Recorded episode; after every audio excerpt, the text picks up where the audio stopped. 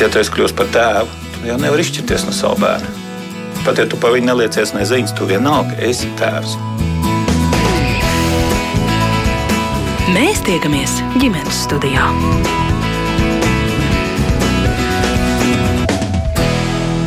Labdien, klausītāji! Latvijas jauno ārstu asociācija aicina nekavējoties atjaunot veselības mācību skolās, jo jauniešu vājās zināšanas, piemēram, par reproduktīvo veselību, veicina nevēlamu grūtniecību iestāšanos. Latvijā ir liels HIV inficēto skaits tieši jauniešu vidū. Pandēmija izgaismoja sabiedrības, to starp jaunu cilvēku zināšanu trūkumu par vakcinācijas jautājumiem. Vai šāda mācību priekšmetu atjaunošana spētu dzēst robu skolēnu zināšanās par šiem patiešām svarīgiem? Svarīgiem jautājumiem. To es mērķis noteņa pārunāšu ar studijas viesiem. Latvijas jauno ārstu asociācijas valdes locekli, arī certificētu pediatru un bērnu kardiologu Paulu Sīli. Labdien, ģimenes studijā! Labdien! Labdien! Arī valsts izglītības un satura centra īstenotā projekta skola 2030 veselības un fiziskās aktivitātes mācību jomas vecākai ekspertei Inesei Bautrei. Labdien! Un arī dzēna šī paša projekta skola 2030 dabas zinātņu mācību jomas vecākajam ekspertam, arī Rīgas Anneņa Mojušas vidusskolas direktors vietniekam un ķīmijas skolotājam Mihailam Rasmanovam. Paldies, Mihails Basmanovs. Basmanovs, paldies, ka izlabojāt. Jā, bet es tomēr vēršos vispirms pie jaunajiem ārstiem. Tātad jauno ārstu asociācija rosina aktualizēt šo jautājumu un saka, ka nekavējoties vajadzētu atjaunot veselības mācības skolās. Es jau te pieminēju dažus faktus, kāpēc. Uh, varbūt jūs man papildinātu un pailustrētu, kāpēc tas būtu jūsuprāt nepieciešams. Jā, paldies uh, par iespēju izteikties. Tātad mums Latvijas Jauno ārstu asociācijā uh, šī iniciatīva vispār pacelt šo jautājumu bija no mūsu kolēģis uh, Ievas Notiņas puses. Uh, uh, Jūs jau nosaucāt ļoti daudz uh, faktorus, kas ir nu, uh, pēdējā lielā lieta, kas ir tā, protams, ir Covid pandēmija, kas ir izgaismojusi ļoti daudz aktuālus jautājumus. Tā skaitā par sabiedrības kā tādas veselības pratību. Ja, tātad par to, cik, uh, cik Latvijas iedzīvotāji izprot, uh, kas ir veselība, kā viņu saglabāt. Un uh, mums jāsaka, ka nu, Latvijā tā nav ļoti augstā līmenī kā mēs zinām, tad Latvijas skolās vairs nav tāds obligātais priekšmets kā veselības mācība kas tomēr sniedza vērtīgas, vērtīgu ieskatu par to, kā saglabāt veselību. Te, protams, nav runa tikai par reproduktīvo veselību, lai arī tas ir ļoti nozīmīgs šī priekšmeta, nu, šī priekšmeta sadaļa. Bet te bija arī, arī citi, citas sadaļas, kā pirmā palīdzība, kā veselīgs uzturs, kur varbūt citos priekšmetos arī māca, bet kur akcentēja šajā priekšmetā. Un, pēdējos gados uh, mums jāsaka, ka mēs tik tiešām, tik tiešām redzam šādas te, uh, uh, problēmas. It sevišķi es savā praksē, kā pediatrs, kā bērnu kardiologs, ja, ka jaunieši uh, jaunieši ierodās ar, gan ar sūdzībām, gan arī ar veselības problēmām, kas ir tiešā veidā saistītas ar, ar nu, neizpratni par to, kā, kā dzīvot veselīgi, kā noturēt to veselību, kas viņiem ir. Jo medicīnā ir, ir tāds Uh, vispārējais uzskats, uh, nu ne tikai uzskats, bet tas ir nu, uh, vairākos pierād, pētījumos pierādījies, ka ir gan lētāk, gan efektīvāk veikt prevenciju, ja tā tad nepieļaut slimības iestāšanos, nekā vēlāk to ārstēt. Ja? Angliski ir tāds teiciens: uh, "An ounce of prophylaxis is worth a, a pound of cure." Ja, tātad nu, grams profilakses ir. ir uh, vērts kilogramu ārstēšanas. Mm -hmm. nu, bet jūs uzskatāt, ka tieši jaunieši arī nezina, jo jūs runājat par eh, sabiedrību kopumā, ka īsti neorientējās šajās, šajos veselības jautājumos, kas tiešām varētu palīdzēt tajā profilaktiskajā sadaļā, bet arī specifiski par jauniešiem jūs to sakāt. Jā, tieši tā, jaun, eh, jaunieši neorientējās. Um, um, veselības jautājumos pietiekamā līmenī, un arī šis, šī ir tā sabiedrības daļa, kura ir pieejama, ņemot vērā, ka nu, Latvijā 9, 9 klašu izglītība ir obligāta. Ja, un šis ir arī tas vecums, kad mums veidojas paradumi, kas mums visu atlikušo mūžu būs. Tiksim, tādu ikdienu izmainīt nav neiespējami, tiksim, nu, pusmūžā vai vēlāk. Uh, bet to izdarīt ir daudz, daudz grūtāk. Tātad, uh, ja mēs agrīni mums ir izveidojusies izpratne par to, uh, par to kā pareizi ir jāēd, kā mums izvairīties no noteiktām infekcijas slimībām un tā tālāk, to ir daudz vieglāk noturēt nekā, nekā ja to mēs cenšamies iemācīties vēlāk. Mihail, jūs kā skolotājs, kā jūs vērtējat, jaunieši orientējas, neorientējas šajos jautājumos? Es varbūt paskatītos uz šo kompleksu jautājumu no citas puses, nevis no bērnu puses, no skolēna puses, vai orientējos vai neorientējos, bet arī no skolotāja puses. Jo uh, piedāvāt mācību saturu, vai jaunu tematu, vai jaunu mācību. Uh, Mācību uzdevumus vai mācību saturu, par ko runāt ar skolēniem, ļoti vienkārši un viegli sasaistīt ar ikdienu, ar veselību, ar ikdienas parādu ieradumiem. Tad, tad mēs varam atsaukties uz to, kas ir veselīgi, kas nav veselīgi, kāpēc šis jautājums ir aktuāls konkrēti man, konkrētajā vecuma posmā, konkrētajā klasē. Un šeit, pirms mēs sākam runāt vispār par mācību saturu, par to, kā mēs viņu pilnveidojam un kādi akcenti ir salikti, domājot par veselību, šis jautājums, diemžēl, kļūst aktuāls tad, kad ir slikti kad ir kaut kādas problēmas, vai slikta statistika, vai ir sāpes mugurā, vai kaut kas savādāk. Tad mēs aizdomājamies par savu veselību.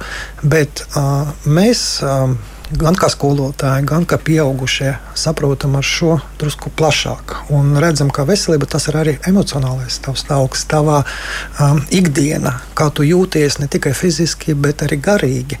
Kā tu sarunājies ar kolēģiem, kā tu uzvedies, kā vide ietekmē tevi un kā tu vari vidi ietekmēt. Un viss tas kopā arī veido šo manuprāt, jēdzienu veselība. Un tad, un, manuprāt, ja mēs jau griežamies pie ārstiem, tad jau ir problēmas. Ja es eju pie ārsta, tas nozīmē, ka jau kaut kur kaut kāda kļūda ir pielaista. Tas nozīmē, ka man vajadzētu aizdomāties par savu dzīvesveidu jau daudz ātrāk. Mm -hmm. Un kā skolotājs, mēs par, kā skolotājs ar skolēniem mēs par to vienmēr sarunājamies. Nu, piemēram, jūs mācāt ķīmiju un bioloģiju. Varbūt varat atgādināt. Uh, tieši mācību vielā jūs mācāt bioloģiju vai ķīmiju. Kur ir šie jautājumi? Šie jautājumi, nu, nu piemēram, nu, acim trīs, redzam, trīs acim redzami jautājumi ir, piemēram, bioloģija, kad mēs runājam par orgānu, orgā, organismu uzbūvi, tā paša cilvēka tā skaitā. Un tad, protams, mēs pieminam arī šo orgānu, organismu uzturēšanas noteikumus, ja, uzturēt sevi. Lai būtu veselam. Protams, šodien pieminēta arī veselīga pārtika, šodien pieminēta dzīvesveids un arī vakcinācijas vai imunitātes paaugstināšana vai kā cita veida savas veselības saglabāšana. To mēs runājam pie konkrētiem tematiem, kad mēs mācāmies par orgāniem. Ja? Tas ir konkrētais uh, mācību saturs bioloģijā. Ķīmijā, domājot par vielām, ķīmisko vielu ietekmi uz uh, organismu, uz dzīviem organismiem. Tāpat mācoties par vielu klasēm, tad mēs nosakam, ka, š, pasakam, ka šīs vielas arī mūsu organismā, kā mūsu organisms, tas ir milzīga laboratorija, kur notiek šīs ķīmiskas reakcijas, un tam reakcijām jānotiek pareizi. Tad, ja tur kaut kas čersām, tad ir problēmas ar veselību. Nu, faktiski jūs sakāt, ka šādi savācot pa kriksītim, pa kriksītim, pa kriksītim, uh, skolēnam vajadzētu veidoties tai uh, lielajai bildei, kas saucas veselīgs dzīvesveids. Viennozīmīgi, jā, un vēl skolēniem, manuprāt, veidojās nu, viņš izpratne veidojas par to, ka viņš mācās šīs teorētiskās lietas, ko mēs sakām no mācību grāmatām, un viņš sasaista to ar dzīvi un jēgu, saskata tajā, ko viņš mācās. Un tad viņš saprot, kāpēc viņam šīs jāmācās un kāpēc viņam šādi jāuzvedās. Jo mēs vairāk runājam varbūt ne tik daudz par zināšanām, bet vairāk par ieradumiem un par šo ieradumu ieaudzināšanu. Mhm, droši vien Baltras kundze piekrītat kolēģim, jo skolā 2030 jau ir par to, ka tātad šis saturs ir izkaisīts dažādos mācību priekšmetos, bet veido kopainu galu galā. Jā, es noteikti piekrītu Mihēlam, jo Es gribu konkrēti piemēru minēt. Mums šobrīd skola 2030 rīko skolotāju lielas pieredzes konferences, kas notiek piecos reģionālos. Un mums vidzemē bija fantastisks stāsts. Lūk, ķīmijas skolotājs kopā ar sporta skolotāju apgūst tematu par saldinātājiem, dzērieniem, par cukuru ietekmu uz organismu. Un to, ko viņi dara, iegūst zināšanas ķīmijā, Ja, Tātad pēc tam ar sporta skolotāju ir izdomāta sporta stunda, kur mēs veidojam ar vingrinājumiem, ar uzdevumiem, kas tad notiek manā organismā. Kad es esmu šos cukuru saldinātājus eh, daudz sadzēries, viņi ir pētījuši gan saturu dažādiem dzērieniem, un tālāk ir uh, pierādīts un mēģina uh, skolēniem ar uh, fiziskajām aktivitātēm parādīt, kad es to pašu so, emocionālo stāvokli, savu labsajūtu varu saņemt arī ar daudzveidīgām fiziskām aktivitātēm, nevis vien iedzerot kādus šos dzērienus. Un, manuprāt, šie eksperimenti ir vienkārši fantastiski. Nu, bet varbūt tie ir tikai tādi tiešām eksperimenti, izcili kaut kādi gadījumi, bet tā nav skolas ikdiena. Nē, es, ziniet, mēs esam, Mihāls noteikti man var palīdzēt, un, un viņam arī piemēri, tie piemēri, ko šobrīd mūsu konferencē stāsta skolotāji, tie vienkārši ir piemēri. Tas pats kolēģis runāja lūk, arī par šo pirmo palīdzību. Jā, mums ir veselība un fiziskās aktivitātes mācību jomā. Pirmā palīdzība ir dabas zinībās, pirmā palīdzība. Un skola stāsta savu pieredzi, stāstu, kā tad ir šīs veselības laboratorijas ABC. Un tur ir gan par uzturu, tur ir gan par pirmo palīdzību, Tur ir kā apkopt eh, pušumus, eh, uzlikt plāksteru saites. Nu, vienkārši tā ir. Manuprāt, mūsu skolotāji ļoti daudz darbu dara. Doktor Sīli izklausās iedvesmojoši.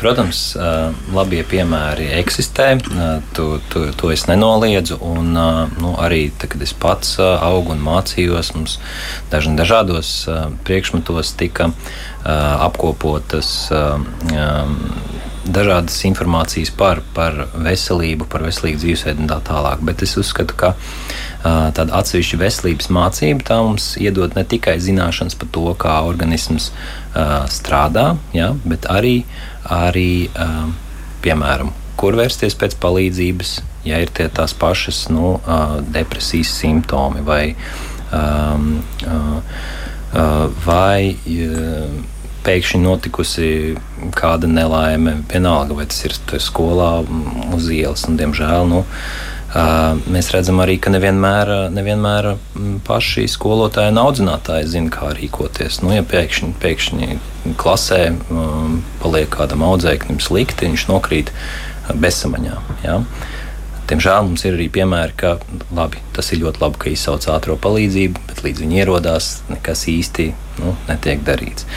Um, līdz ar to uh, es uzskatu, ka, ja ir tāds atsevišķs priekšmets, kur tieši konkrēti uh, izskaidro um, uh, noteiktas situācijas, kā pie viņām rīkoties, uh, tas dod uh, ieročus bērniem, lai, lai uh, viņi, uh, viņiem. Vajadzības gadījumā viņi zinātu, kā rīkoties, kur meklēt palīdzību un tā tālāk. Jā, starp citu, arī bērnu viedoklis ļoti svarīgs ir šajā sarunā, un ģimenes studija pagājušā nedēļa tikās ar Rīgas Friča brīvzemnieku pamatskolas skolāniem un skolotājiem, lai izzinātu viņu domas, vai tas būtu liederīgi atjaunot skolās veselības mācību kā atsevišķu mācību priekšmetu. Un vispirms saruna ar 8 un 9 klašu skolēniem ar Unu, Martu, Saniju, Lindu, Kristu, Dželiju un Marselu. Un vispirms es jauniešiem jautāju, kas viņuprāt ir veselīgs dzīvesveids. Lūk, atbildes. Veselīgs uzturs, sports, kad viss ir kārtībā ar mentālo veselību noteikti. Jā.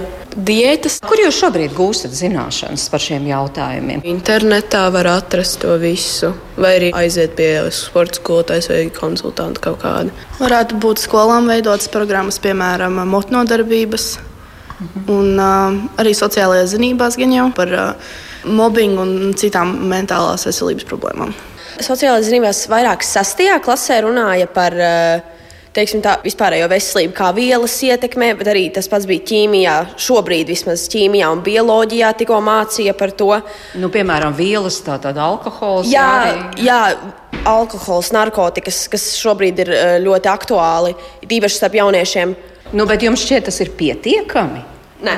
Nā. Nav. Es uzskatu, ka pirms tam vajadzētu to ieviest kā noteiktu mācību stundu. Vismaz reizes nedēļā, kad nu, no pamatskolas klasēm, tas no 5. sanāk. Ceturtā. No 4. 5. Jā, klases noteikti kā mācību stundu. Bet kāpēc jums šķiet, ka vajadzētu to ieviest kā mācību stundu? Kur būtu atšķirība? Jo mēs dzirdējām jau it kā par šiem jautājumiem runā. Jā, jo kā, par to runā, bet neiedziļinās tik ļoti. Gribētos, lai varbūt vairāk, lai izskaidro, varbūt kādu speciālistu pasaukt. Pieņemsim mācības stundās, mēs noteikti gribētu uzklausīt kādu psihologu psihologu viedokli par to visu, kādu ārstu. Bet tieši par kādiem jautājumiem, ko jūs gribētu tā padziļināt? Par pirmo palīdzību, tīpaši, ko darīt situācijās, ja cilvēks noģības, kā viņu likt zemē, mākslīgā elpināšana. Nu, vairāk par mentālo veselību, tādu, tāpēc, ka tas noteikti ir aktuāli mūsdienās starp jauniešiem par to parunāt. Manuprāt, mūsdienās, ja jaunietim pajautātu kaut ko par vienalga fizisko vai garīgo veselību, viņi daudz ko nezina par to un nezina arī par to, kā garīgā veselība ietekmē fizisko veselību un arī otrādi. Bet kā jums šķiet, tās zināšanas pasargā jaunieti, piemēram, par šīm kaitīgajām vielām jums stāsta? Tas jūs motivē nelietot? Nē, tas tieši var pateikt, māca mūs, lai, ja gas, tad būtu drošāk viss un tam līdzīgi. Nevis tā kā riskēt un darīt kaut ko, ko nevajadzētu.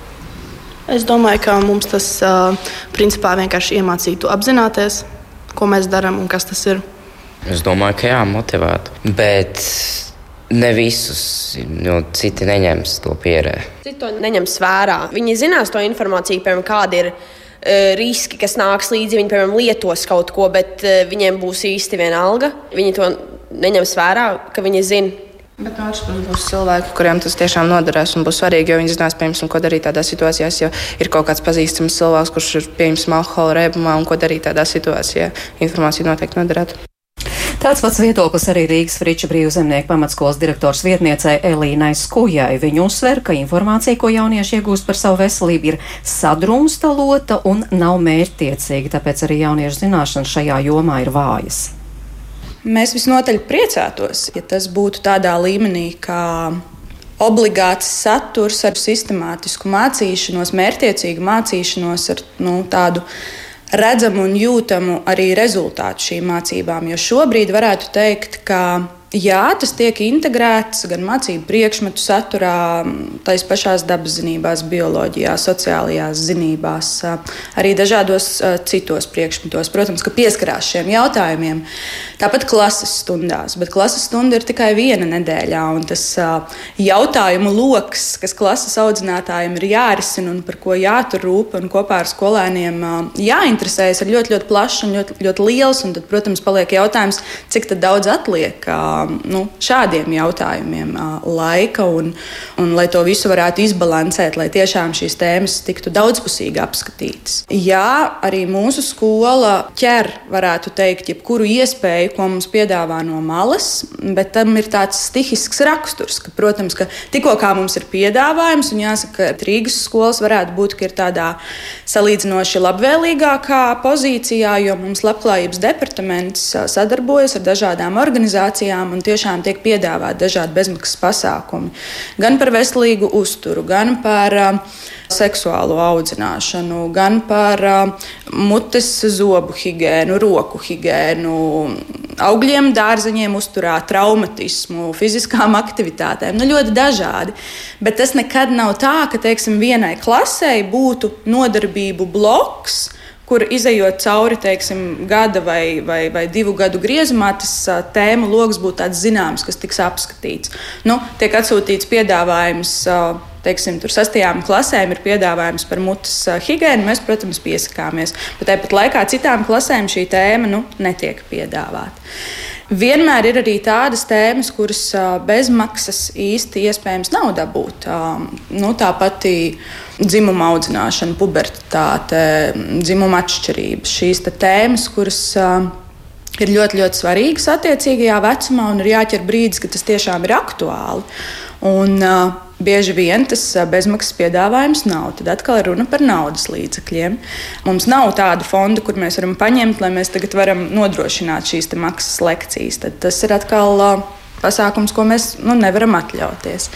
Tas ir tāds vairāk šobrīd, nu, kā jau teicu, tāds stihisks dabas jautājums, kad ir iespēja un ir piedāvājums. Mēs ņemam šīs iespējas un viņas izmantojam. Bet tas noteikti nav tāds, kā būtu veselības mācība, kur būtu konkrētam vecuma posmam, konkrētās tēmas, konkrētais jautājumu lokus, kuram izējot cauri, mēs zinātu, pie kā tas aizvedīs. Nu, bet šīs maksas lekcijas, kas jums tās piedāvā? Tas pats papards zieds piedāvā nodarbības. Viņas ir maksas nodarbības.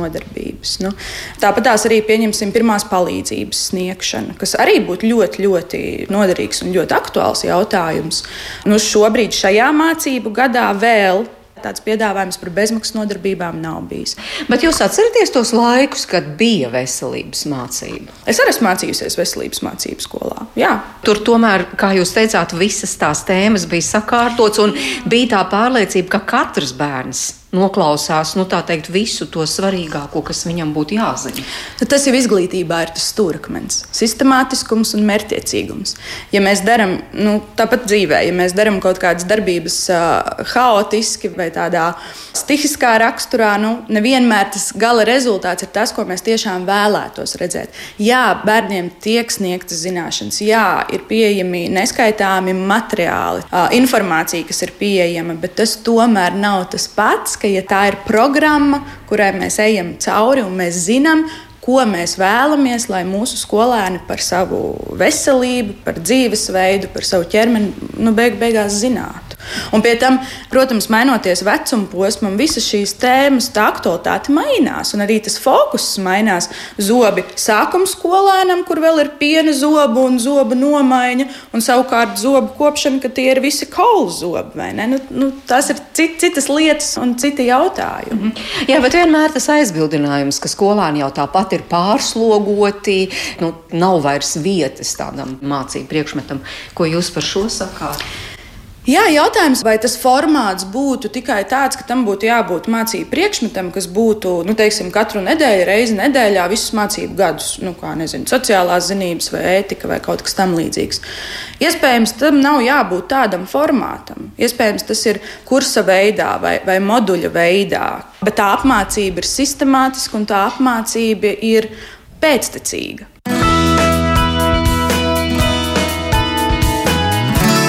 Tāds lūks sarunas Rīgas Friča brīvzemnieku pamatskolā ar direktoru vietnieci Elīnu Skuju, arī ar jauniešiem, un es aicinu arī klausītājs iesaistīties. Nu, mums, piemēram, klausītāja Anda raksta veselības mācībai jābūt obligātai. Astotā klasa bioloģijā mācās par elpošanas, gremošanas sistēmu, kopā sajaukta botānika, zooloģija, anatomija, kvalitāte nekāda, jo apjoms milzīgs, bet kopā sajaukt aļģi, mušu, kaķi un cilvēki ir absolūti nepareizi. Uh, Ko jūs uh, secināt, klausoties, uh, Dr. Sīla? Jā, nu, man ir ļoti liels prieks par, uh, par um, skolēnu atbildēm, ja, kas arī nu, iezīmē dažas no tām lielajām, lielajām problēmām, kas, kas viņiem šķiet aktuāli, tā skaitā psihoemocionālā veselība. Un tā ir skaitā arī pirmā palīdzība, Jā. ko mums te teica, ka to skolā visi ļoti labi apgūstot, bet jaunieši saka, ka kaut, kaut, kaut kā nē. Jā, nu, šeit es gribēju pieminēt, ka, uh, ka, ka jā, protams, ir ļoti daudz interneta resursu, ja, kas visiem ir pieejami. Bet internetā ir ļoti daudz sliktas informācijas.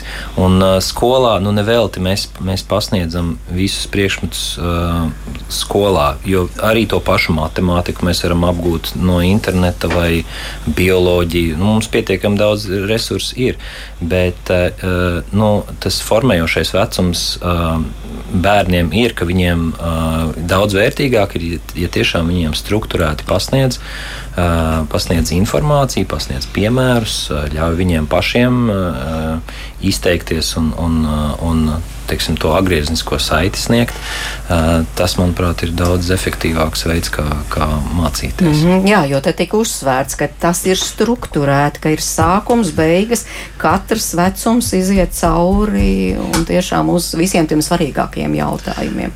Es varbūt gribētu nedaudz tādu piebildu, nākot uz studiju. Es arī savā skolā veica tādu nelielu pētījumu, aptauju. Pirmā, sestās un vienpadsmitās klases skolēniem pajautāja, ko nozīmē būt veselam. Un uh, nedziļinoties, nepretendēju uz pētījumu, jo atbildžu nebija tik daudz, bet ko es esmu pamanījis, ka um, sākuma skolas skolēniem pirmās klases viņam vairāk šīs veselīgas dzīvesveids saistīts ar sāpēm vai ar slimībām, lai neslimotu. Tā viņi raksta. Ja sestā klases skolēniem viņi vairāk uzsvars ir jau ir gan uz veselīgu uzturu, gan uz um, šo emocionālo pusi. Viņam ir svarīgi arī jautājumi, kas ir saistīti nu, ar sociālo, uh, sociālā, nu, sociālo pusi, domājot par veselību. Un 11. klases skolēniem, kas man arī pārsteidza pašu personīgi, kā viņi jau domā par preventīvām lietām un domā par analīžu nepieciešamību, to pašu vakcināciju, imunitātes saglabāšanu, arī par sporta nodarbībām, savu formu formu uzturēšanu un tā tālāk. Tā viņi domā jau daudz plašāk. Bet viennozīmīgi gan pirmās, gan 11. gan 6. klases skolēni runā par vienu pašu, par šo pozitīvo emocionālo pusi, ko dod tev šīs eh, veselības labs stāvoklis.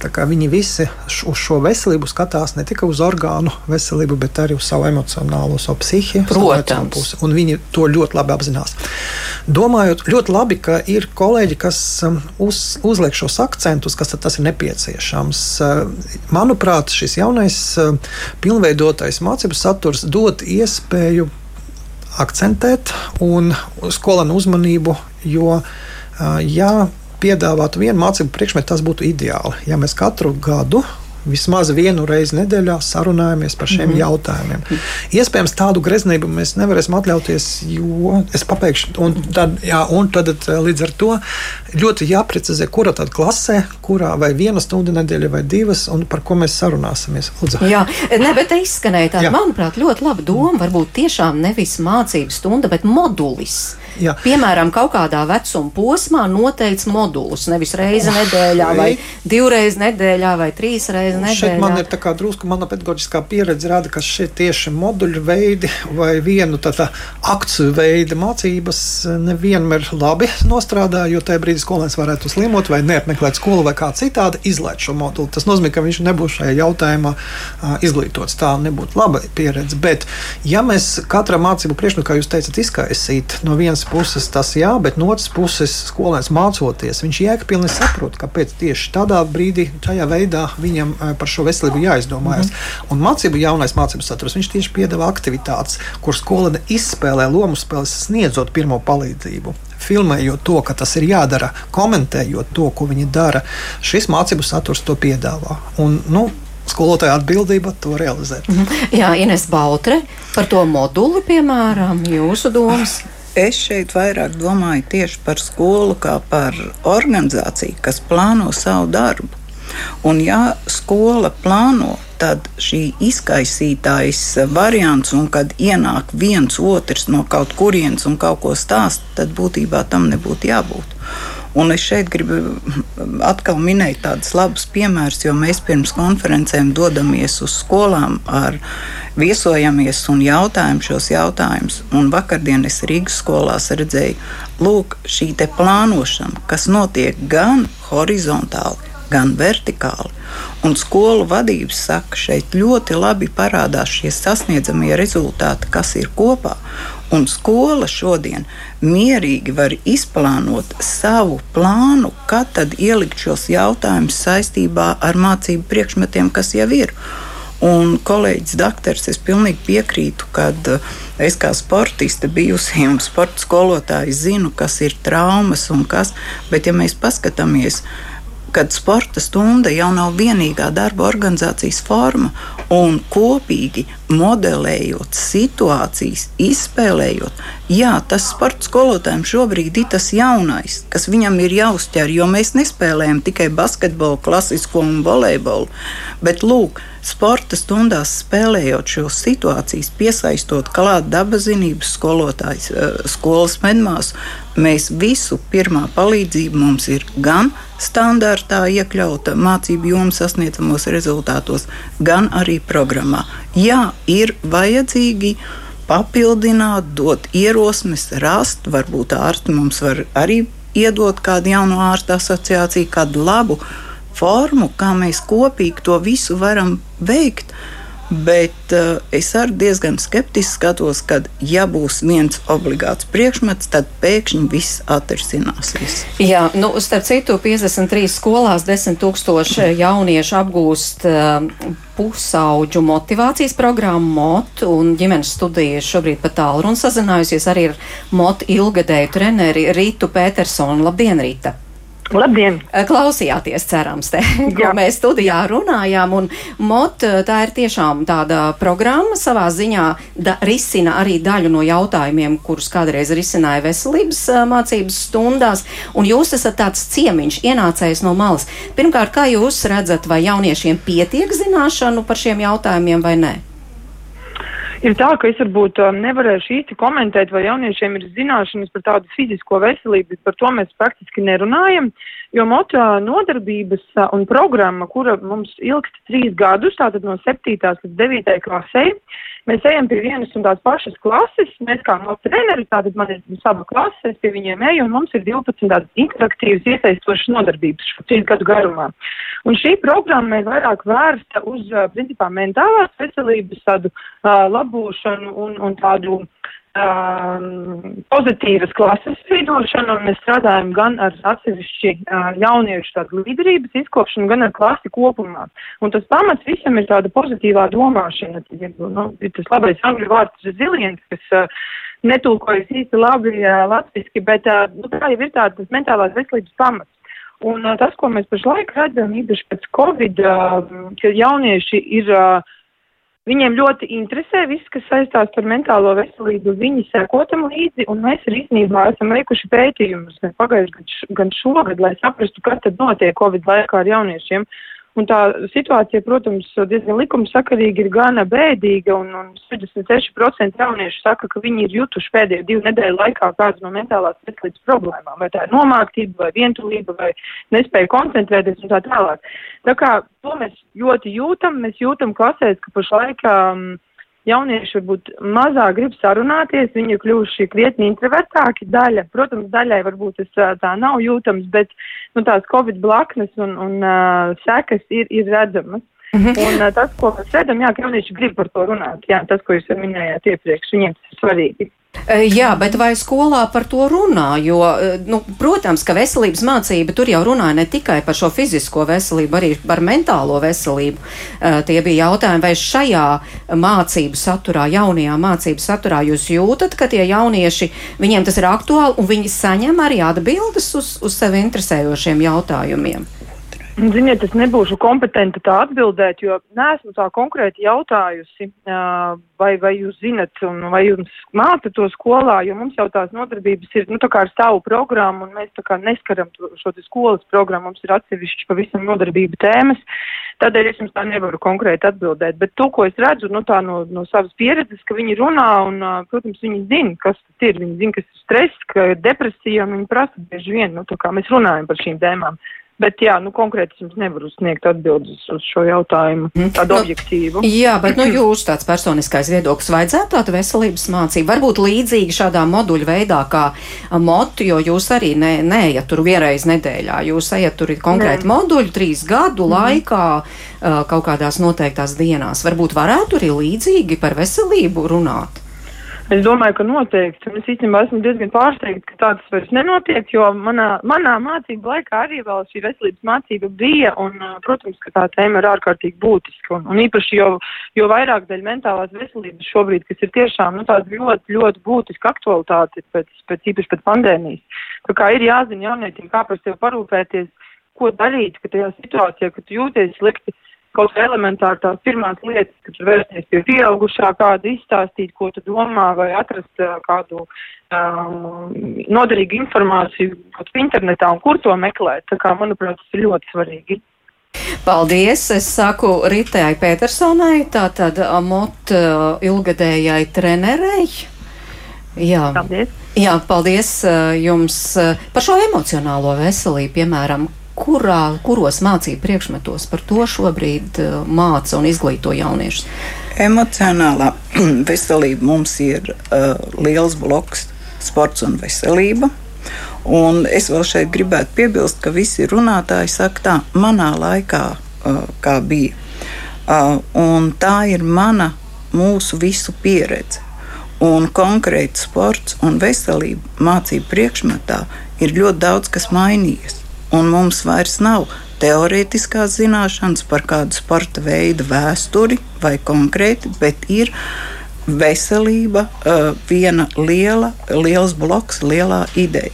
Un tur ir gan sociāla, emocionālā veselība, sākot jau no pirmsskolas līdz vidusskolai.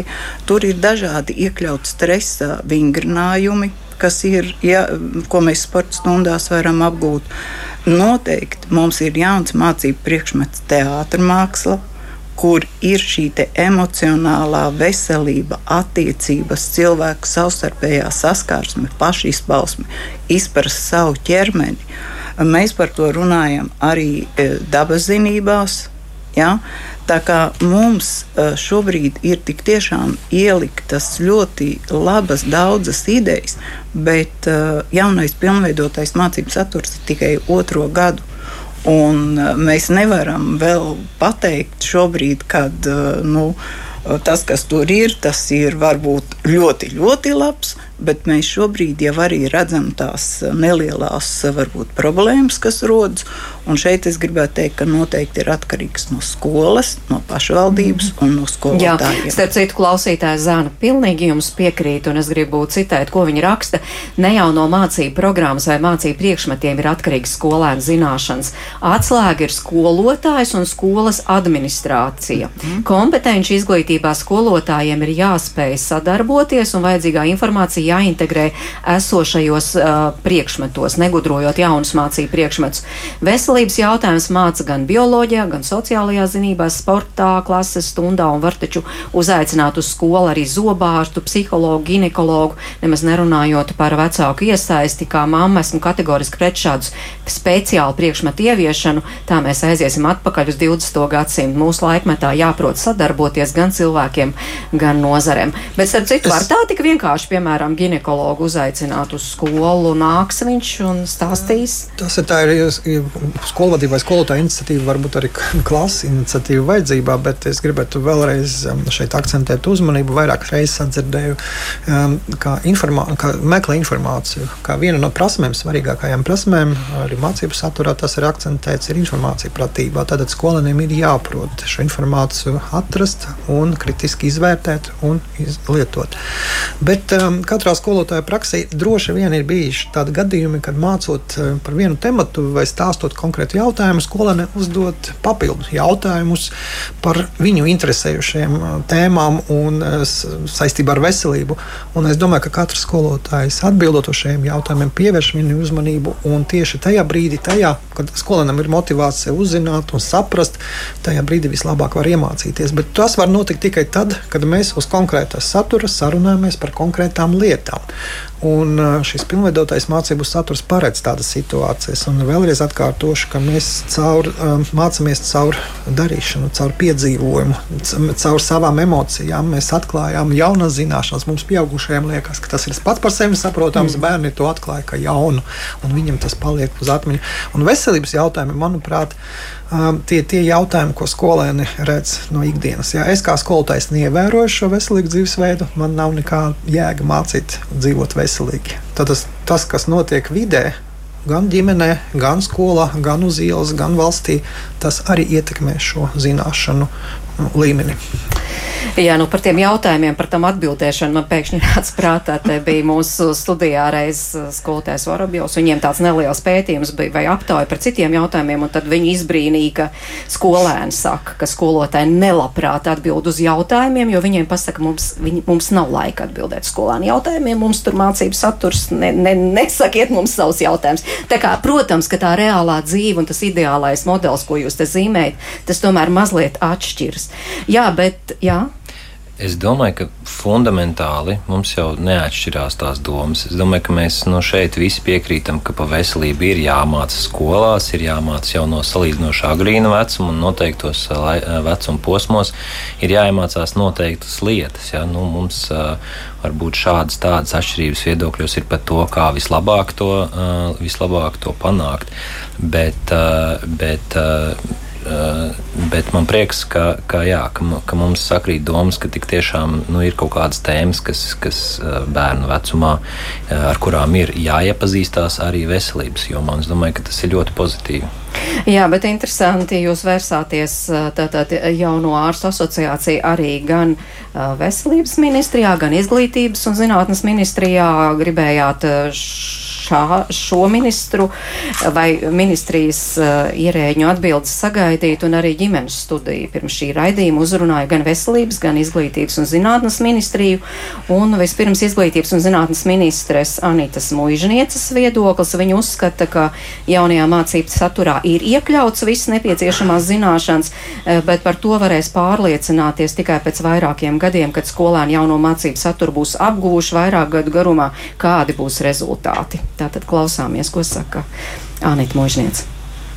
Ja mēs kopumā domājam par to, ka viss saturs ir veidots pēctecīgi saskaņoti no paša pirmsskolas līdz vidusskolas posmam, domājot arī par šiem sasniedzamajiem rezultātiem, un vienotajām lielajām idejām un, un caurvīju praksmēm, tad uh, tas mērķis galvenais ir fokus uz prasmēm, uz lietpratību un uz, uz spēju zināšanas arī pārnest nu, tālāk reālās darbībās. Un tas, kas attiecas uz veselības jomu, šie jautājumi ir iekļauti vairākos mācību priekšmetos, piemēram, dabaszinībās, bioloģijā, fizikā, sportā un veselībā. To var apskatīt pilnīgi noteikti sociālajās zinātnēs, ķīmijā, manuprāt, pat dizainā tehnoloģijā, kur arī, nu, piemēram, runāt par veselīgu uzturu. Un tā doma ir tāda, ka dažādo mācību priekšmetu skolotājiem apskatot, analizējot šos te tematus, arī kopā plānojot darbus, kuras prasmes, kuri jēdzieni veiksmīgāk apgūstam konkrētajā priekšmetā. Jo tā, ka mēs izveidojam vienu atsevišķu, nu kā tas bija līdz šim, nu tātad tas ir viens pedagogs ar vienām konkrētām tēmām, bet neveidoja sasaist ar to, ka, piemēram, veselīgs uh, dzīvesveids, uh, nu, kas it kā ir pašsaprotam, ir arī sporta jautājums uzturs, tas ir tikpat labi, nu, tagad saucas dizains tehnoloģijas, kādreiz bija maiparība, ja, kas vēl tika dalīta meitenēm un zēniem, bet šobrīd mēs, nu, tā kā izdalām uz šiem te priekšmetiem.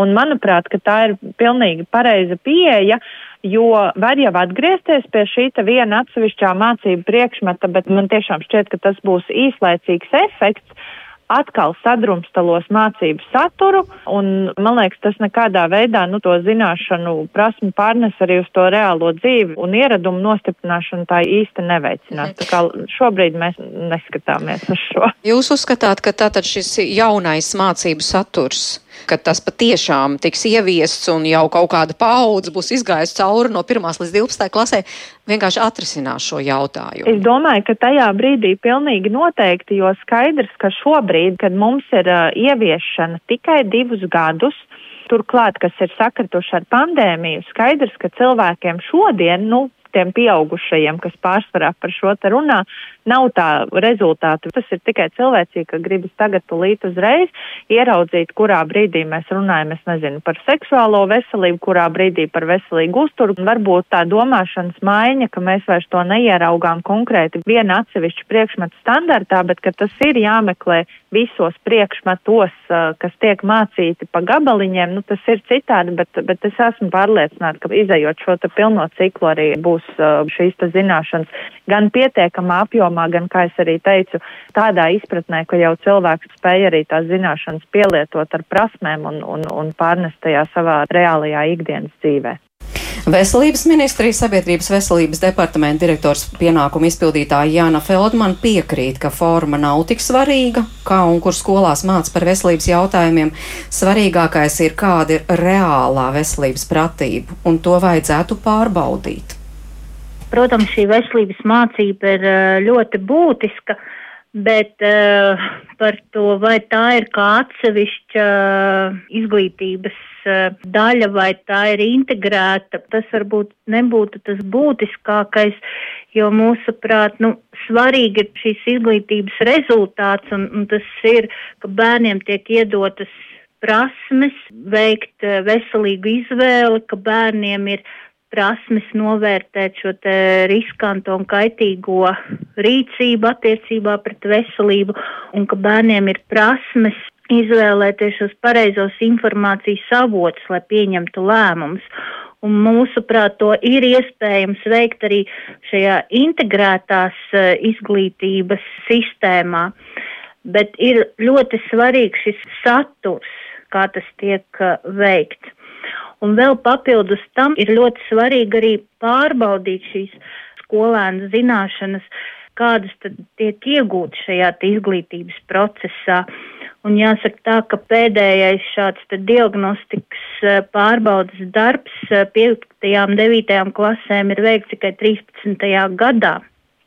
Līdz ar to, lai vērtētu kā labāk šo izglītības procesu organizēt, ir arī nepieciešams mūsuprāt atkārtot šādu te diagnostikas novērtējumu par izglītojamo zināšanām un, un prasmēm, kādas ir iegūtas eh, pie esošās šīs izglītības eh, organizācijas. Tātad tieši šajā brīdī aktuālākais būtu vēlreiz novērtēt pirmkārt skolēnu zināšanas. Tā es no jums sapratu. Jā. jā pirmkārt novērtēt un, un tiešām apzināties to saturu, lai tas iekļaut visu nepieciešamo un arī, lai pedagogiem būtu prasmes tiešām kvalitatīvi sniegt skolēniem šīs nepieciešamās iemaņas. Jo būtībā tās ir dzīves prasmes mūža garumā.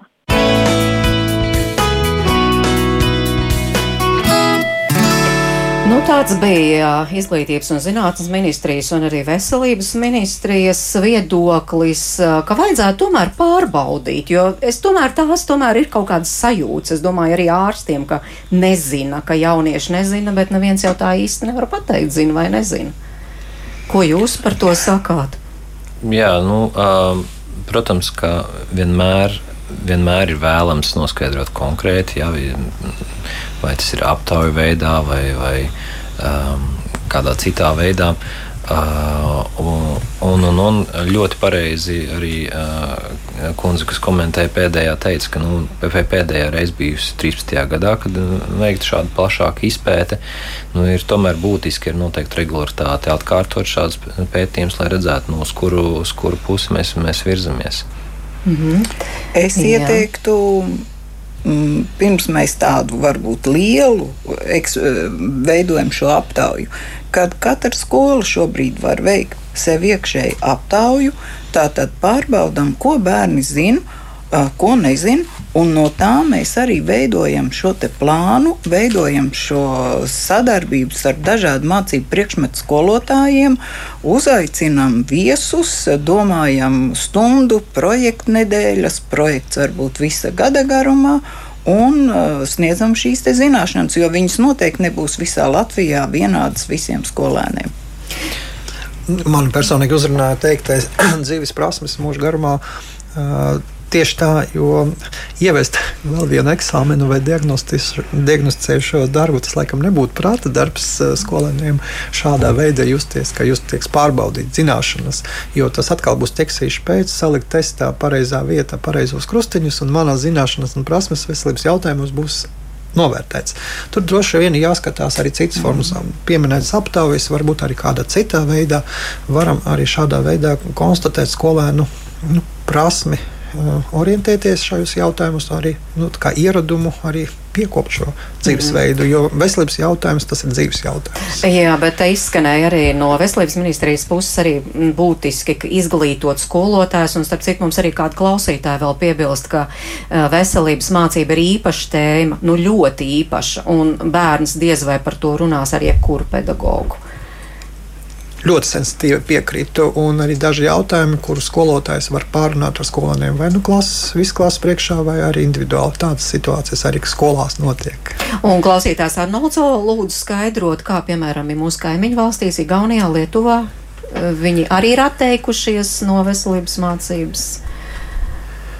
Un kādi ir rezultāti? Vai jums ir kādas ziņas par šo? Precīzi, konkrēti pateikt, šobrīd mēs neesam gatavi, neesam gatavojušies šim jautājumam. Paldies par šo jautājumu. Noteikti to varētu papētīt un to labu pieredzi, labu, labu praksi pārņemt no mhm. kolēģiem. Bet es gribētu pateikt, ka saistībā veidojot sports un veselību mācību priekšmetu, mēs skatījāmies dažādu valsts pieredzi. Tā ir skaitā arī Cambridge pieredzi, un tur arī ir šie jautājumi par veselību. Ir dažādi. Ir, Eh, bet eh, viņi nāk kopā ar manu fizisko aktivitāti. Un, piemēram, kolēģis eh, Dārts teica, ka lūk, uzturs tātad mana, mans uzturs pirms fiziskām aktivitātēm, pēc fiziskām aktivitātēm, mans tātad kādu enerģijas iztērēju un kas man ir jāuzņem. Ja? Tā kā šādas lietas mēs esam iekļāvuši un paskatījušies, un es noteikti esmu uh, nu, neesmu viensprāts ar to, ka mēs varam paņemt kaut ko no citas valsts un iestādīt mūsu, bet mums ir jāskatās šie piemēri un jāmēģina pielāgot mūsu mhm. apstākļiem. Jā, Latvijas Jauno ārstu asociācija uzjundījusi kārtējo reizi šo jautājumu par veselības mācību. Jūs dzirdējāt, tad tomēr arī, arī ģimenes studijā jau pietiekam daudz viedokļus. Kāda būs jūsu tālākā rīcība? Jā, nu, patreiz. Um, uh, patreiz uh, mēs ceram uz, um, uz nu, plašāku iesaisti. Um, uh, mēs uh, iesaistīsim, es tuņās atradīšu nosaukumu šeit komisijai. Piedošanu, uh, ātri, ātri. Tā būtu saimnes komisija. Jā, uh, kur tieši par šiem jautājumiem Tā bija liekas, izglītības, veselības un. Nu, varbūt arī neprecizēsim. Jā, jā. jā. Tad, tad, kur mums. Um, neformāli arī ja mūs aicina uz šo, šo komisiju. Es, es domāju, ka tas būtu tas mūsu nākamais solis. Es gan es varbūt īsi pieminēšu, ļoti īsi, ka nu, mums daži netiešie rādītāji par to, nu, kāda mums ir izpratne par veselību. Mums jau ir. Mums jau ir par, gan par dažādu infekciju slimību izplatību, par HIV izplatību, kas mums ir ļoti sliktā līmenī Latvijā, kā arī par, par lieko svaru dažādās populācijās. Mums nav varbūt tādu tiešu, precīzu un kā, zināšanu. Ja, izpētes pēdējos gados, bet netiešie rādītāji mums tomēr ir, ir diezgan daudz.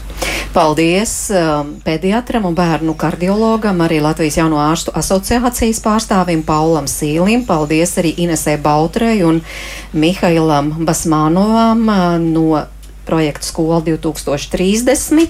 Raidījuma producenta Ilza Zvaigzne, man sauc Mērķis Noteņu, un es saku paldies jums, ka klausījāties, līdzdarbojāties, un tiekamies mēs atkal rīt 5 minūtes pāri diviem. Kā vienmēr mēs runāsim par to, ka kopš kara sākuma Ukrainā atsevišķi lamu vārdi kļuvuši par labo toni, kā bērni un jaunieši reaģē uz vecāku emociju uzplūdos izteiktām rūpībām, un vai bērnu valodā lamu vārdu šobrīd var izskaust.